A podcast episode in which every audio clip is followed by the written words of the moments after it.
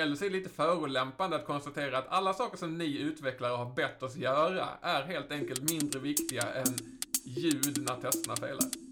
Du lyssnar på podden Avkodat, en podd om mjukvaruutveckling med fokus på Microsoft Plattform. Av och med oss på Active Solution. Då ska jag säga hej och välkommen till Avkodat. Idag tänkte vi prata lite om nyheterna som presenteras på Ignite. Jag heter Cecilia Wren och idag har jag med mig Magnus Forsberg.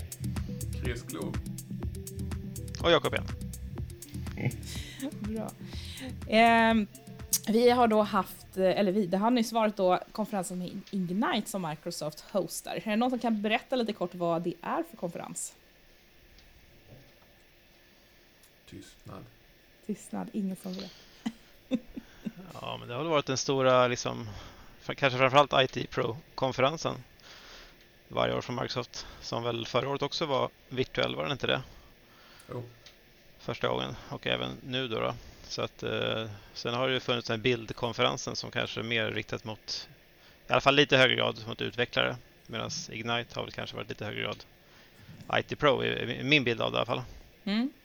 Är det inte lite så, om man ska vara helt ärlig, att Ignite är en sammanslagning av ett gäng andra konferenser som fanns separata tidigare eh, med, som faktiskt, jag, jag tror att Ignite, så som jag har förstått det, är en, en kombination av SharePoint Conference och lite utvecklargrejer och IT Pro-prylar i en enda stor konferens. Så det är liksom deras stora, det här är vad du jobbar med just nu i Microsoft-sfären, medan bild är lite mer, som du säger, utvecklingsfokus och det här är väl lite grann vad som kommer, eller vad vi liksom, lanseringskonferensen istället. Mm. Mm. Ja, men det låter ganska bra sammanfattat tycker jag. Var det någon som var, var det någon som tittade live eller efteråt och sådär? Nope. Nej. No. Nej, Nej det behöver inte Jag jag, inte- prata om det. Såklart. Nej, det blir en mer äkta reaktion så här. Ja, precis. eh, så eh, de, i samband med den här konferensen så släpper de liksom the big book of news ungefär, alltså en, en sammanfattning av alla nyheter. Och jag har då helt odemokratiskt gått in i den här och valt ut några nyheter som jag kan tycka är värt att lyfta upp och prata om. Så det är vad vi ska göra idag tänkte jag.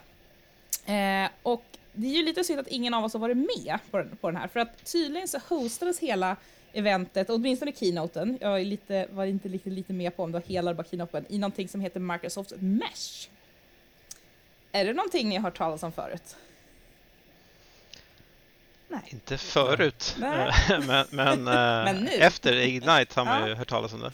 Ja, Så det är att ju det- lite spännande eh, plattform. Det är väl en, en 3D, nu ska vi se hur de uttrycker sig. Ehm, alltså det är ju ett, ett sätt att kunna liksom ha möten och kommunicera i en, en 3D-miljö kan man säga. Eller vad skulle du säga Jakob? Ja, de använder väl termen mixed reality ganska mycket va? Mm.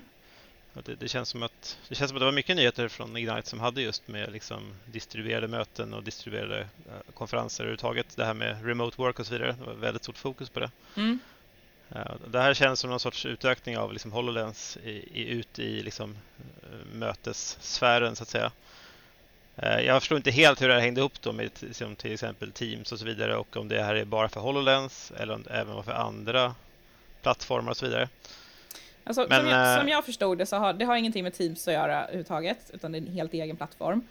Det är, in, det är, inte, in- det är inte exklusivt HoloLens, utan ville man vara med på, på de här keynotes och så vidare och, och uppleva upplevelsen så behövde man absolut inte ha ett VR-headset. Det var en, kanske en annan upplevelse, men man kunde mycket väl använda andra devices som är mer 2D-devices, men ändå få en 3D-upplevelse.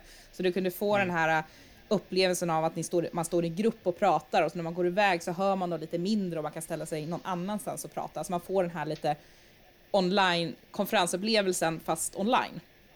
Eh, så, sådär. så det lät lite spännande och roligt. Eh, vi kommer säkert få höra mer om, om den där produkten och eh, många av de onlinekonferenser som, som ligger framöver eh, skulle säkert kunna använda den här produkten. Eh, så vidare. Men så den är ju lite rolig ur det sättet, men det är inte så mycket ur, ur liksom vår praktiska vardag egentligen. Nej, Grymt men jag vet inte, jag, jag såg kanske mer för möten kanske än konferenser i första hand eventuellt. Alltså det här liksom att ha, ha digitala möten, det har vi alla liksom lidit av att man blir lite så här, det, det är ju inte samma sak som att träffas. Så det där kändes ju som ett försök att liksom försöka få de här bli lite mer interaktivt så du kan stå i ett rum och se varandra och kanske till och med interagera med varandra. Liksom. Det, jag tyckte det verkade ganska lovande eh, eh, som ett första version i alla fall. Mm. Själv tycker jag det lät jättedeprimerande för det låter som att Hej, vi kommer inte ha lika mycket in-person möten längre utan hej, nu har vi utvecklat den här asballa nya tekniska produkten så att nu kan vi strunta i att flyga runt folk i världen. Vilket väl är bra på sitt sätt, men alltså jag saknar ju faktiskt den här interaktiviteten att inte bara kunna vistas i ett virtuellt rum med någon annan. Jag vill kunna gå ner och ta en öl tillsammans med någon av dem jag har pratat tillsammans med. Liksom det, Mm. Jag hoppas inte att vi ser en framtid där all form av socialt umgänge fysiskt har försvunnit på grund av en liten viruspryl. Men du, måste ju, du måste ju prova på det här Chris först innan du kan liksom döma ut det, eller hur? Det, tänk om det här är lika bra som, som ett fysiskt möte. Vill du påstå att du är lika bra virtuellt som du är live liksom? Ja, jag är nog bättre. Ah, Okej. ja, men Ja, det, nej, det, det är det som är skönt med den virtuella världen i tv-spel och så vidare. Man kan ju vara någon annan, någonting bättre än vad man är i verkligheten. Precis. Var alltid dig själv. Om du inte kan vara Batman, var Batman om du kan det. Precis. Bra Kan grundregel. man köpa till superkrafter sen då också? Ja, precis. Det är sånt här extra pack, eh, så här pluspaket Mm. som, man, som man kan köpa. Så här. Eh, De använder, ju också, de använder ju ordet tele, att man skulle teleportera sig till mötet i, i de här sammanhangen också. Att det, det kommer kännas som att folk teleporterar ihop sig till ett och samma virtuella miljö. Liksom. Mm. Ja, men det, det känns väl som att det kommer att dröja innan man anordnar liksom 10 000 pers konferenser. Till i Eh, höst. Ett ganska bra tag framöver. Ja, jag starkt tveksam till det om jag ska vara. I det formatet liksom. Absolut mindre, mindre konferenser. Det har jag sett att de börjat göra i en del länder där man har liksom ganska bra eller, liksom, eller mi- mindre spridning. Att de kanske anordnar en del så här user groups och sånt där. Mi- Mindre antal människor. Börjar man väl kunna göra snart. Men de här jättekonferenserna, ja, det kommer nog dröja tror jag. Mm. Och då, då kan vi glida över på nästa nyhet som handlar just om det här många personer på ett möte. För vi har haft ett tag nu med, med lite, kanske lite större teamsmöte som vi försöker haft. Vi är själva, några av oss här i MVP och försökte vara med på konferensen MVP Summit och lo- slog ganska snart i limiten på hur många man kan vara på ett, på ett möte, på teamsmöte. Jag tror att ett vanligt teamsmöte är, är det väl 300 på och ett sånt här seminar är det kanske 1000 eller något sånt på. Ehm, så nu är en av nyheterna då att de eh, kommer stödja upp till 1000 på ett vanligt möte och upp till 10 000 i sånt eh, seminarie, webb, webbinarie-grej. Så att de har liksom höjt capen på, på dem. Det är ju bra. Jag hoppas bara att de stänger av det där med kameran också, för det kommer vara jättesmå bilder. Ja. Det, det, det var väl en av de kommande grejerna var att man kunde styra kamerorna, alltså man styra och stänga av kameror så man kan stänga av ljudet. Skulle komma längre fram också som, som en feature. Eh, men det kommer ganska mycket runt, om vi nu håller oss vid Teams där, så har vi lite runt, eh, vi som presenterar och sådär, så tycker ju inte vi att det kanske är bästa verktyget, för när man kör igång sin presentation så bara försvinner ju alla deltagare, man hamnar liksom i powerpoint mode och man ser ju ingenting liksom. Eh, så då kommer eh, de integrera PowerPoint point live i Teams. Där man istället då har ett, eh, man delar liksom på ett annat sätt som gör att man kommer kunna se sina, sina deltagare. Man, så man behöver inte starta liksom, liksom PowerPointen i traditionellt sätt där man tar över hela skärmen och inte ser ett dugg, utan du, det blir en, en mer anpassad eh, sätt där du kan se chatten, du kan se dina deltagare och så vidare. Eh, även lite andra typer av presentationsmode där man kan styra hur, var man visar eh, liksom talaren versus presentationen och, och lite sånt Alltså man kan styra lite hur, liksom, hur det ser ut helt enkelt på när man skickar ut. Den tycker jag personligen kan bli ganska nice att använda när man, när man väl gör presentationer i Teams faktiskt. Absolut, för det är rätt utmanande som det är idag. Även om man har gjort det flera gånger så är det lika spännande varje gång man ska dela någonting eller när ansiktena bara försvinner eller sådär. Så det, det låter ju lovande. Mm. Jag tror att det kommer hjälpa väldigt mycket för gemene man, absolut. För jag måste säga, jag, jag kommer nog personligen fortsätta att köra Open Broadcast Studio med ett par olika skärmar och lite streamdecks och såna här nördiga saker för att jag är van vid att köra det. Men jag tror för allmänheten kommer det där vara riktigt, riktigt smutt att faktiskt kunna få den hjälpen. Och det är, lite konfunderad att man inte har haft det redan från början, för det känns som en så uppenbar grej att man kommer att göra PowerPoint-presentationer via Teams liksom.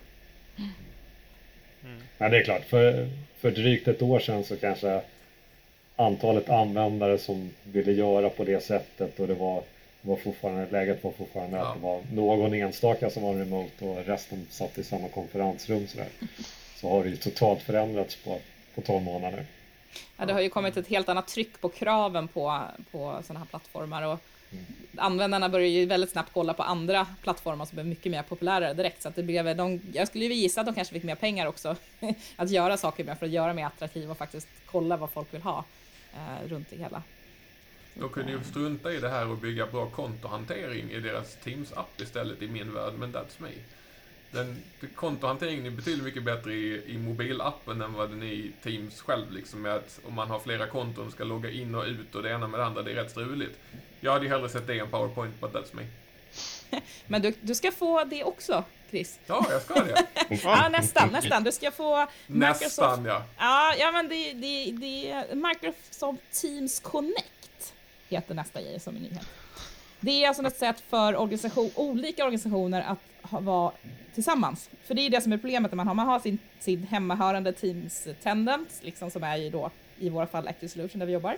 Och sen har man kundens, där man kanske blir inbjuden att vara med, man kanske bara får vara med på möten, eh, kommer inte åt deras rum, eller så får man ett eget konto där och så måste man byta Tendent och så vidare.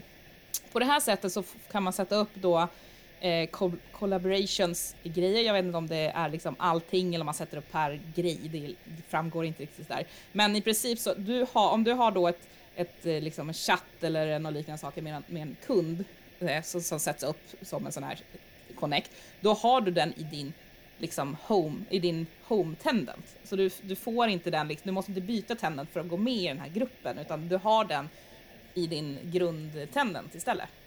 Så det, det, är ett sätt att kunna liksom joina ihop från olika eh, grejer. Sen får vi se hur bra det kommer funka. Det är ett steg åt rätt håll, men det bygger fortfarande på att jag befinner mig i min tenant och att jag kollaborerar med andra tenants. Mitt problem är att jag har ju jag har mer än en tenant själv. Jag har ju min Active Solution tenant, men sen har jag en annan tenant som jag har för mina MVP-prylar till exempel, och jag har lite andra sådana saker. Så att jag hade bara uppskattat att man hade, för i telefonen kan man ganska snabbt i en liten dropdown bara säga jag vill byta från den här tenanten till den här tenanten.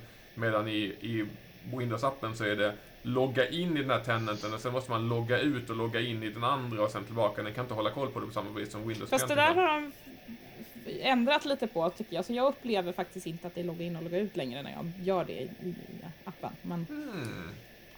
Men, äh, mm, titta. Men det som, det som är egentligen det är att då, om man säger så här, du har ju din liksom företagstendent, sen som, som du säger, du har en till MVP-grejer, det har jag också. Den skulle vi egentligen bli inbjuden som en Teams Connect då är det mer korrekt. Så det är det att man har den här legacyn av att det inte har gått innan. Så att det kommer ju tyvärr att fortsätta vara att man har dubbla, men, men om, om, om, någon, om någon backar och gör om saker och ting så, så ska vi liksom flytta över till Sconet och så ska man inte behöva vara på en annan tendent, utan man har bara sin egen. Som jag tolkar i alla fall. Mm. Eh, och det där kommer inte vara tillgängligt förrän i slutet av året. Så det är en bit kvar igen, det är väl en sån sak som man undrar liksom, var, varför är inte det här löst? Liksom? Hur svårt ska det vara?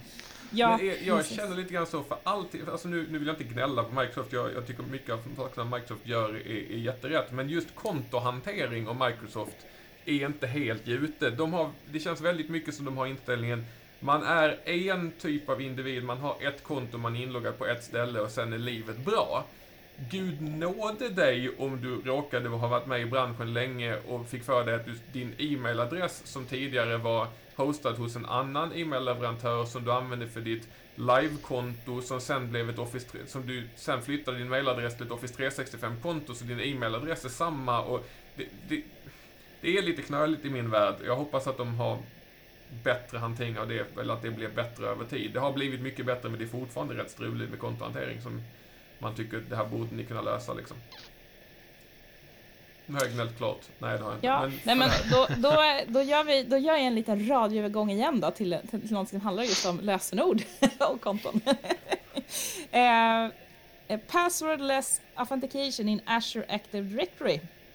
är nu tillgängligt. Det vill säga att man då direkt till AD kan logga in utan lösenord. Det vill säga med Windows Hello, med Fido Keys, Authentication-appar och så vidare.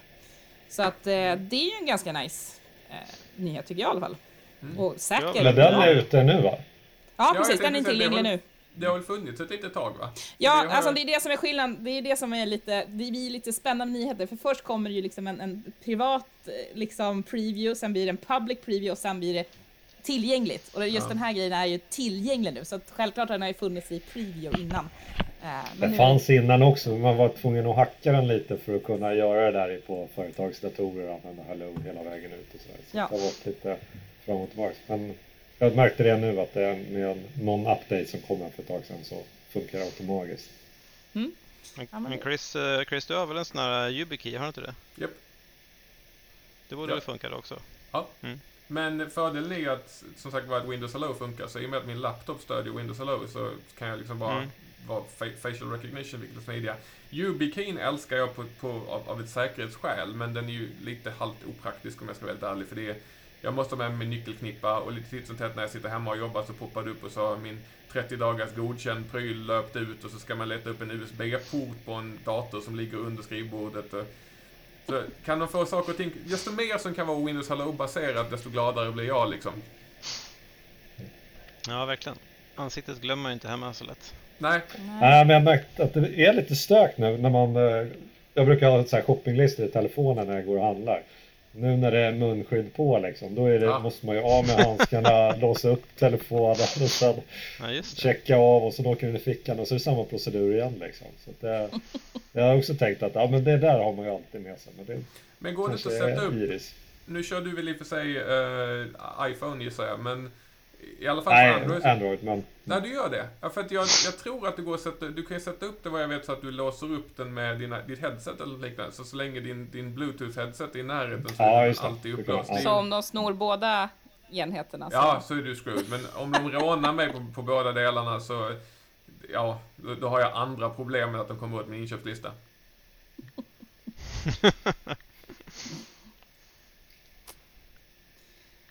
Ja, nu har jag ingen radio igång. Nu blir det bara clean cut här. Azure Resource Mover. Den kanske ni har talas om. Jag bara slänger ur mig. Jag kan hitta på någonting här känner jag. Ni ja. kommer inte veta om det är sant eller inte.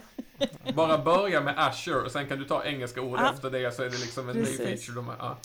Nej, det, det är... Otroligt ja. ospännande feature måste det vara. Ja, det är, väl man... det är en väldigt praktisk feature. För med tanke på att vi håller nu på, eller vi, Microsoft håller på att bygga datacenter här i Sverige så kommer, ju, kommer det ju vara ganska många som vill flytta sina, sina Azure-resurser till just det centret. Och det känns lite så här, jaha, hur gör vi det och så vidare. Det här är alltså ett verktyg för att flytta mellan, mellan regioner.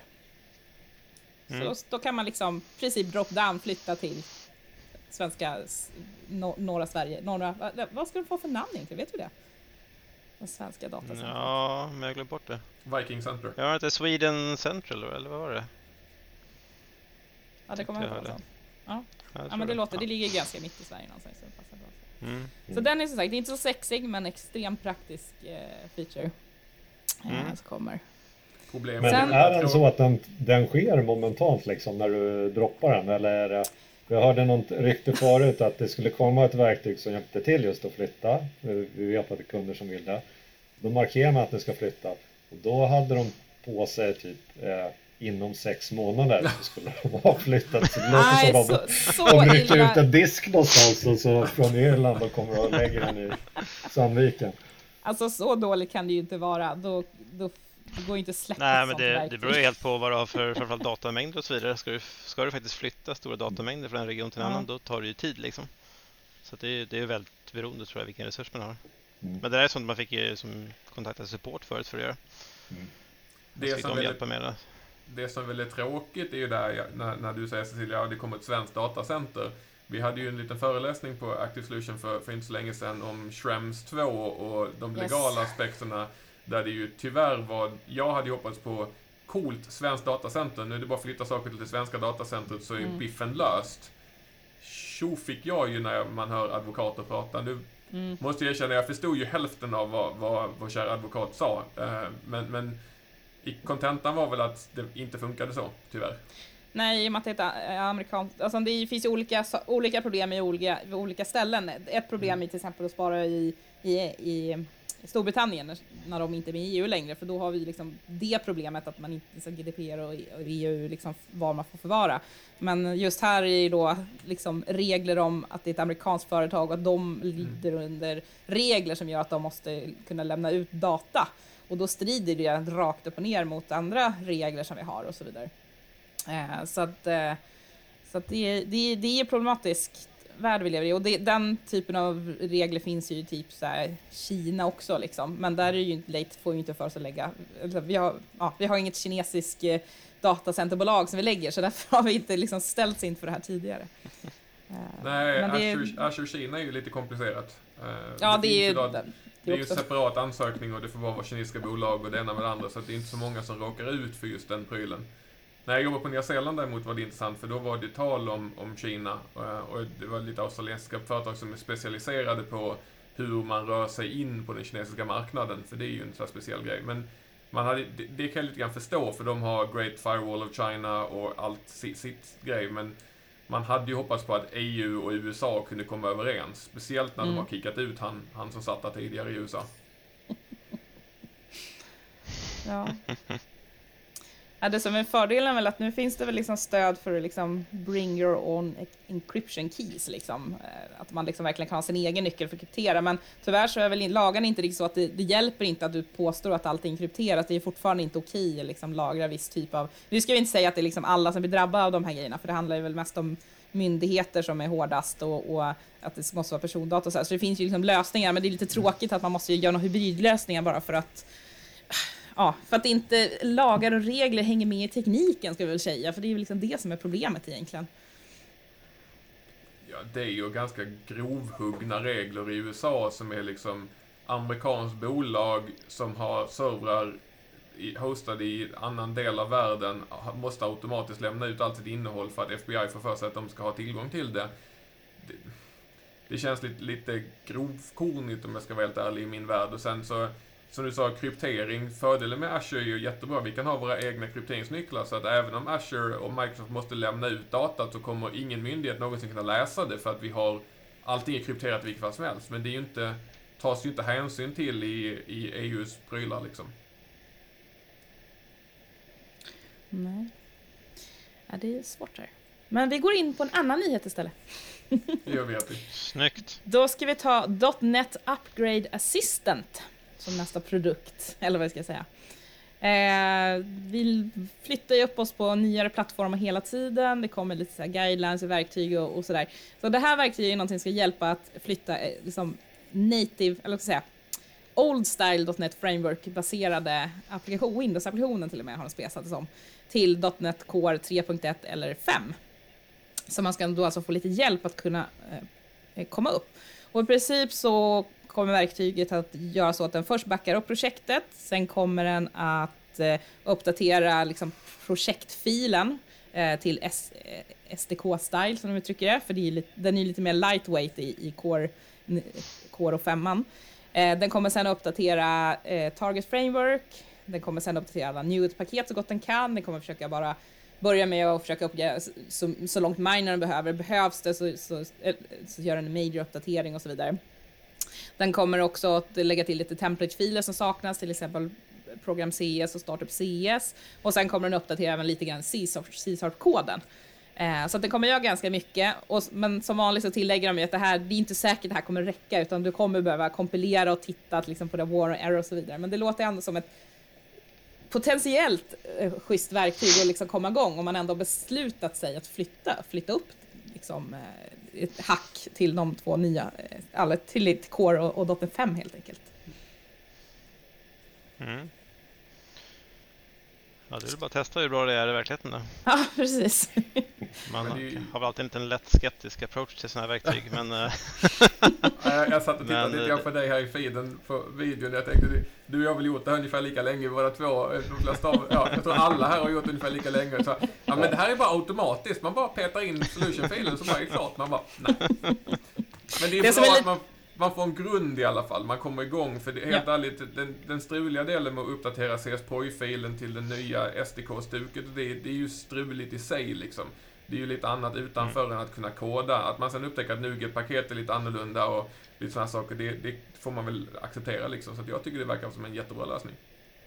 Ja, Det de har gjort när de har tagit fram det här verktyget, det är att de har faktiskt jobbat med Episerver, som har då Mm. uppgraderat sin plattform. Så de har jobbat liksom tillsammans med dem för att liksom finjustera det här verktyget. Så att de har verkligen tagit ett ganska stort projekt och gjort det här på. Eh, för att komma liksom fram till, till slutprodukten. Så, så det är ju bra. På ett sätt. Mm. Intressant val av företag. De var väl närmast. Ja. Ja, vad ska vi göra? Nu ska vi se. Ja, men vi ska köra några till. Eh, några lite mindre. Ehm, vi har en liten kognitiv service-grej. vi har Forms Recognizer, som ni kanske känner till. Den är ju till för att liksom scanna dokument, text från dokument helt enkelt. Eh, de har nu bra stöd för att processa liksom ID-handlingar som pass och körkort och liknande saker. Som liksom underlättar då att bygga applikationer där man, där man liksom ska låta folk identifiera sig, där man inte har tillgång till bank-id som vi har här i Sverige till exempel. Eh, så det är en liten trevlig feature som man kan ju få användning av när man bygger. Även eh, har de utökat liksom processen av att eh, liksom hantera fakturor i en scanning och även liksom att kunna liksom identifiera att du har handskrivna grejer på, på din faktura till exempel och då liksom säga att vi tror att det står 17 1700 här och vi är 75% säkra på det. Liksom. Eh, så mycket liksom förbättringar i, i den tjänsten när man nu behöver eh, scanna in saker som, som kan vara användbart tycker det var lite lustigt. Reflektion tillbaka till, vi får inte lov att lagra saker i, i molntjänster.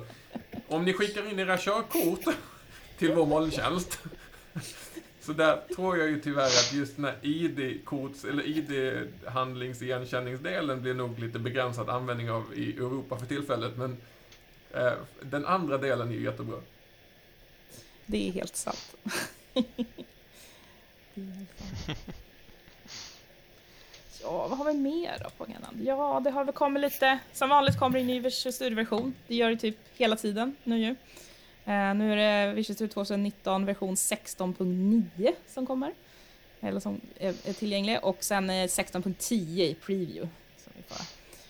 Om, om du bara ska ha punkt, alltså pe- minor-uppdateringar, kan vi fimpa 2019? För det börjar ju kännas jättegammalt. Kan vi inte bara döpa den till version 14 eller 15 eller vad det är för någonting under huvudet? Eller kanske X? Ja, Eller, eller One? ja. Eller bara Visual Studio kanske? Eller bara Visual Studio, fimpa namnet ja. Ja men det kanske man Ja. inte kan för bara Visual Studio, det var kanske första Visual Studio som hette så och då krockar det. Ja, men vi kan väl döpa om det till någonting med Surface, för det är väl det de döper allt annat till. Så Ja, det är eller, eller Edge. Surface Code ganska- Edition eller något liknande. Nej, men, jag var nyfiken på när de ska uppdatera 2019-delen. Eh, det är kul att det kommer, samtidigt är det kul att det kommer nya uppdateringar hela tiden, att de faktiskt rullar Visual Studio mycket, mycket snabbare idag än vad de gjorde tidigare. Eh, Mm. så att det är ju vettigt. Men det är inte lika intressant då heller. Alltså just konferenser har ju varit förut så här ett, ett bra ställe att lansera en, en ny stor version. Liksom. Nu är det ju inga nya stora versioner, det är bara små plutt. Mm. Så det, jag, jag vet inte ens vad som var i den där versionen, det borde jag ju veta. Men Ja, alltså det var ju massa små saker så här. Jag, jag valde ut någon liten grej som kan vara intressant. Eh, jag vet Christer kör ju VSL en del. Mm. Eh, det kommer ju då, eller i, i 16.9 då, som är den som släpps nu, då har du möjlighet att ifrån Visual Studio debugga in i VSL. Ja, det är ju nice. Den, den, Det- den fastnade. Jag hade gärna sett, ja, precis, jag hade gärna sett bra integration mellan eh, Visual Studio och VSL och kanske Visual Studio VS Code-prylarna i VSL också. För det, just nu sitter jag mycket med Visual Studio Code och VSL eh, och jag hade gärna sett lite mer Visual Studio-prylar. Mm. iCode hade de inte alls med på, på Ignite-konferensen. Det är en sån som, klass, sån, sån som kvalar in bättre på bild om det är så. Mm. Men den lever ju också sitt eget liv och kontinuerligt på ett helt annat sätt, precis som den andra. Eh, jag, jag fångade bara upp två nyheter som var lite värt att prata därifrån. Och den andra, den är lite rolig men ändå praktisk. Och det är ju, i, Vish, i Visual så går det ju idag att lägga till ljud no, till några händelser. Man får ju gå via Vish, liksom sound library-inställningen i Windows för att göra det. Man kan typ få, något- få något ljud när den kompilerar och när den failar och sådär. Och det kan man ju bara göra för att jävlas med någon eller ha, ha roligt. Men det här var då stöd för att få ljud när man kör testrunnen. När testrunnen failar eller är klar. Eh, och det kan jag tänka mig lite praktiskt, att, den, att man ändå får en dudurt ljud så fort det failar ett test när man kör. För det är ändå så här eh, mer alert, man, man vill veta det liksom. Att ett bygge failar, det brukar man ju märka lite mer sådär. Men testerna kör man ju lite gång lite i bakgrunden medan man fortsätter och så vidare. Så att, det Ja, tycker jag det- lite roligt och praktiskt faktiskt. Funkade bra ihop med eh, den här eh, continuous-grejen, att den kör ba- testerna i bakgrunden, så vore det ju nice. Samtidigt som jag kan ju säga att den ligger och kör i bakgrunden och, och ger liksom false positives och, och plingar lite titt som tätt medan man håller på att refaktorisera någonting. Jag skulle ju med min ADHD-hjärna få ångest av liksom pip, pip, pip, pip. Ja, jag vet, jag är mitt i att refaktorisera det. Shut up, pip, pip. Då kommer nästa version, då kommer en mute test sound Ja, som man kan switcha emellan. Ja, Ja, det det kanske det kan vara smart att bara liksom alerta när den byter state liksom. Så att Ja, det hade ju varit trevligt kanske. Ett litet negativt när den går från grönt till rött och så ett litet positivt när den går från rött jo till men grönt. om man refraktoriserar så kan det ju gå sönder liksom 40 tester. Eh, Ja, jag vet, men då, då borde den bara plinga en gång kan jag tycka. Sen om det fortsätter att fejla så borde den inte plinga liksom. Ja, de har, de har formulerat sig som så att det är at least one test fail. Så det är nog liksom det första testet failar, sen slutar den nog pipa. Utan det är liksom, det är grönt och när det går från grönt till rött på alla tester, då får det liksom ett pling. Eller vad du nu väljer för ljud, du kan ju välja fåglar som kvittrar då för, för att bli lite lugn. när det failar så får man... Ändå Det känns som det är ganska mogen, mogen produkt när man liksom, när det är de här featurena som kommer. Då har de Jag ska funnits ett tag så här, ah, vad ska vi göra? Bara, det här med ljud har vi haft förut. Jag ska ju säga det, liksom, jag tänker att det där låg liksom högst upp på backloggen, det är otroligt. Lite grann så. Jag vet inte om det är förolämpande. Antingen har de ju väldigt kort backlog där det inte finns någonting. Eller så är det lite förolämpande att konstatera att alla saker som ni utvecklare har bett oss göra är helt enkelt mindre viktiga än ljud när testerna failar. Nu var det inte alla nyheter, jag valde två roliga. Jo, men den, den här gjorde, ju- kom ju fortfarande in. Den här var ju tydligen högre prioriterad än X liksom. Ja. Men det kanske var den här nya snubben som började, som får det där äh, grejen som ligger längre ner i backloggen, det är inte så viktigt om den inte blir klar. Jag vill ta reda på vem som byggt den där. Ge honom en present när vi åker över till MVP-samhället nästa gång. The intern.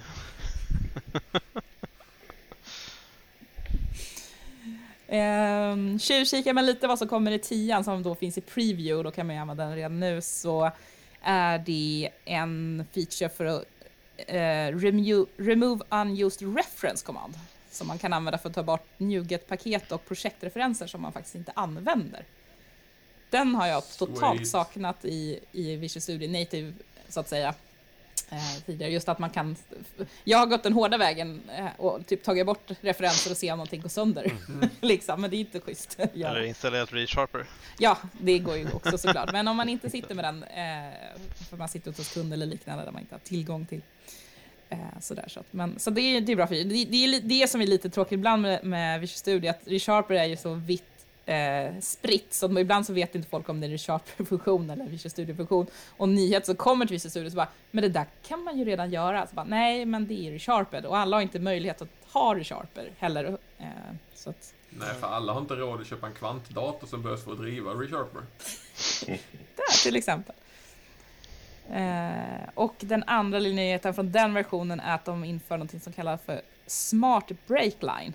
Så att när man typ skriver så här public class X, så istället för att skriva enter så trycker du shift enter och då får du um, um, dina curly brackets automatiskt. Ja, jag vet. Tjoho! Den featuren har jag saknat jätte... Nej. Men okej, ja, ja. Nej, men det är på den nivån som eh, nyheterna ligger tyvärr i, i Studio. Men eh, jag vill ändå nämna det. Kan vara bra för någon som saknar funktionerna. Så kan det vara kul att höra.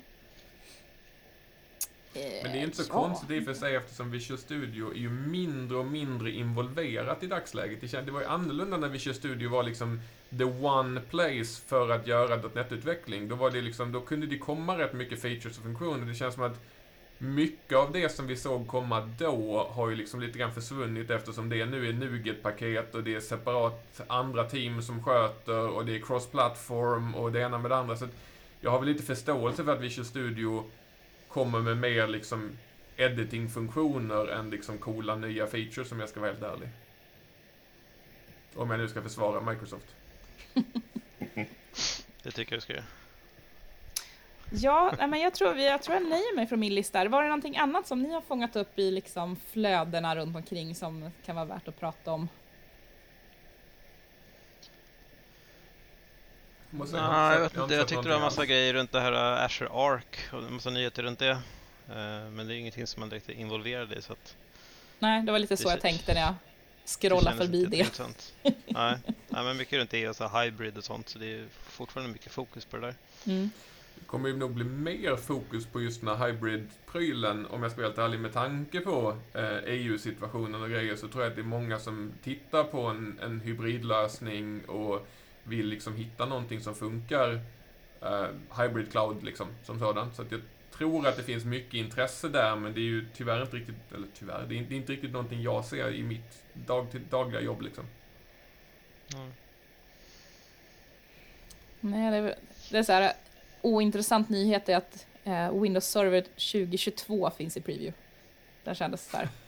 Det kan vara bra att veta att det kommer komma en 22-version snart om man sitter i en sån värld att man har servrar, men samtidigt bryr jag mig inte. Då kommer den som en template i Azure snart alltså. Ja, Ja. det kommer det ju troligtvis att göra. Jag vet inte om de väntar, om, om det brukar finnas tillgängligt re- redan när det är preview, preview eller om det brukar vara när de släpps på riktigt. Jag tror att det brukar, det- previews brukar vara tillgängliga också. Ja, det brukar komma. Jag också Mm. känsla för det. En annan grej som jag såg, som i faktiskt inte, hade, inte har med det här att göra, men jag såg att de diskuterade nu eh, för .NET Core är eh, att skicka ut uppdateringar via, eh, in, inte Windows Update, men Microsoft Update.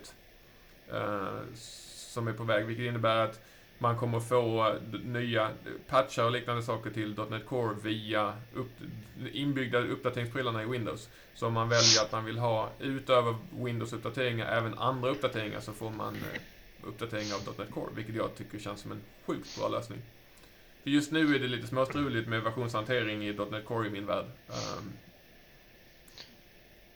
Ja, jag kan ju rekommendera alla till att gå till den här .NET liksom download-sidan och liksom försöka tyda den, eh, hur den är uppbyggd. Det är liksom inte, inte enkelt kan jag säga. Men det är ju lite intressant det där, för det är så sent som igår så kom det ju en sån här security patch för .NET Core, alltså f- 3 och 5 som vi vill rulla ut då på den kund där jag är nu som då kör on-premise. Där, men där shippar vi allting eh, liksom, eh, vad heter det? Alltså vi shippar med, vad heter det, man, man paketerar med .NET-ramverket med applikationen. Ja, standalone, eller... Ja, standalone heter det väl. Eh, Så att man, man skeppar med den så att man är inte beroende av vad som finns på servern, vilket är en fördel då. då.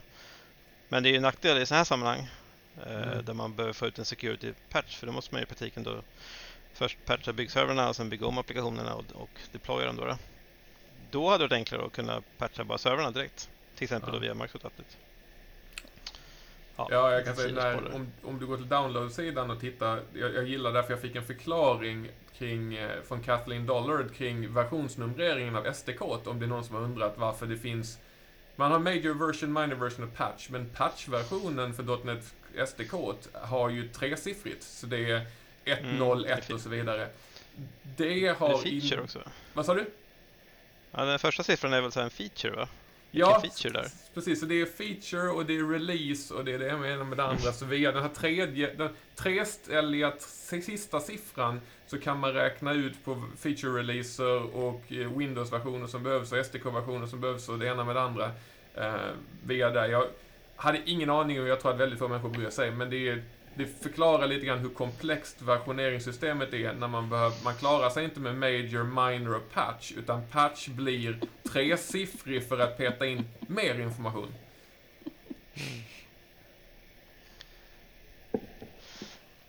Ja, apropå det här att det inte är så jättelätt att komma till en, som en ny .NET Core-utvecklare och .NET-utvecklare och förstå det här. Liksom, det har ju blivit betydligt mer komplicerat än vad man hade, trodde kanske när .NET Core kom till att börja med.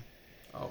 Ja, versionshanteringen är knölig. Jag, jag sitter ju med kund där Mm. det är liksom, vi behövde få tag i den gamla SDK-versionerna och eftersom jag sitter i VSL så liksom, jag behöver en gammal specifik SDK-version för Debian, men Debian-repot innehåller inte versioner mer än fem versioner tillbaka och en massa sådana här saker. Så att det, ja, jag, jag, jag hade ju gärna sett att de hittade en, en smidigare lösning för versionshantering. Om det innebär att de automatpatchar och grejer, det vore ju jättenice, men det kommer inte hjälpa i min Linux-miljö tyvärr. Mm. Ja, men jag tror att vi rundar av här. Vi har som vanligt dragit ut på och hållit ett ganska långt avsnitt, fast vi har mål som att köra korta avsnitt. Eh, Men vi håller ju oss i alla fall under timmen på alla avsnitt. Vi får väl nöja med det då kanske.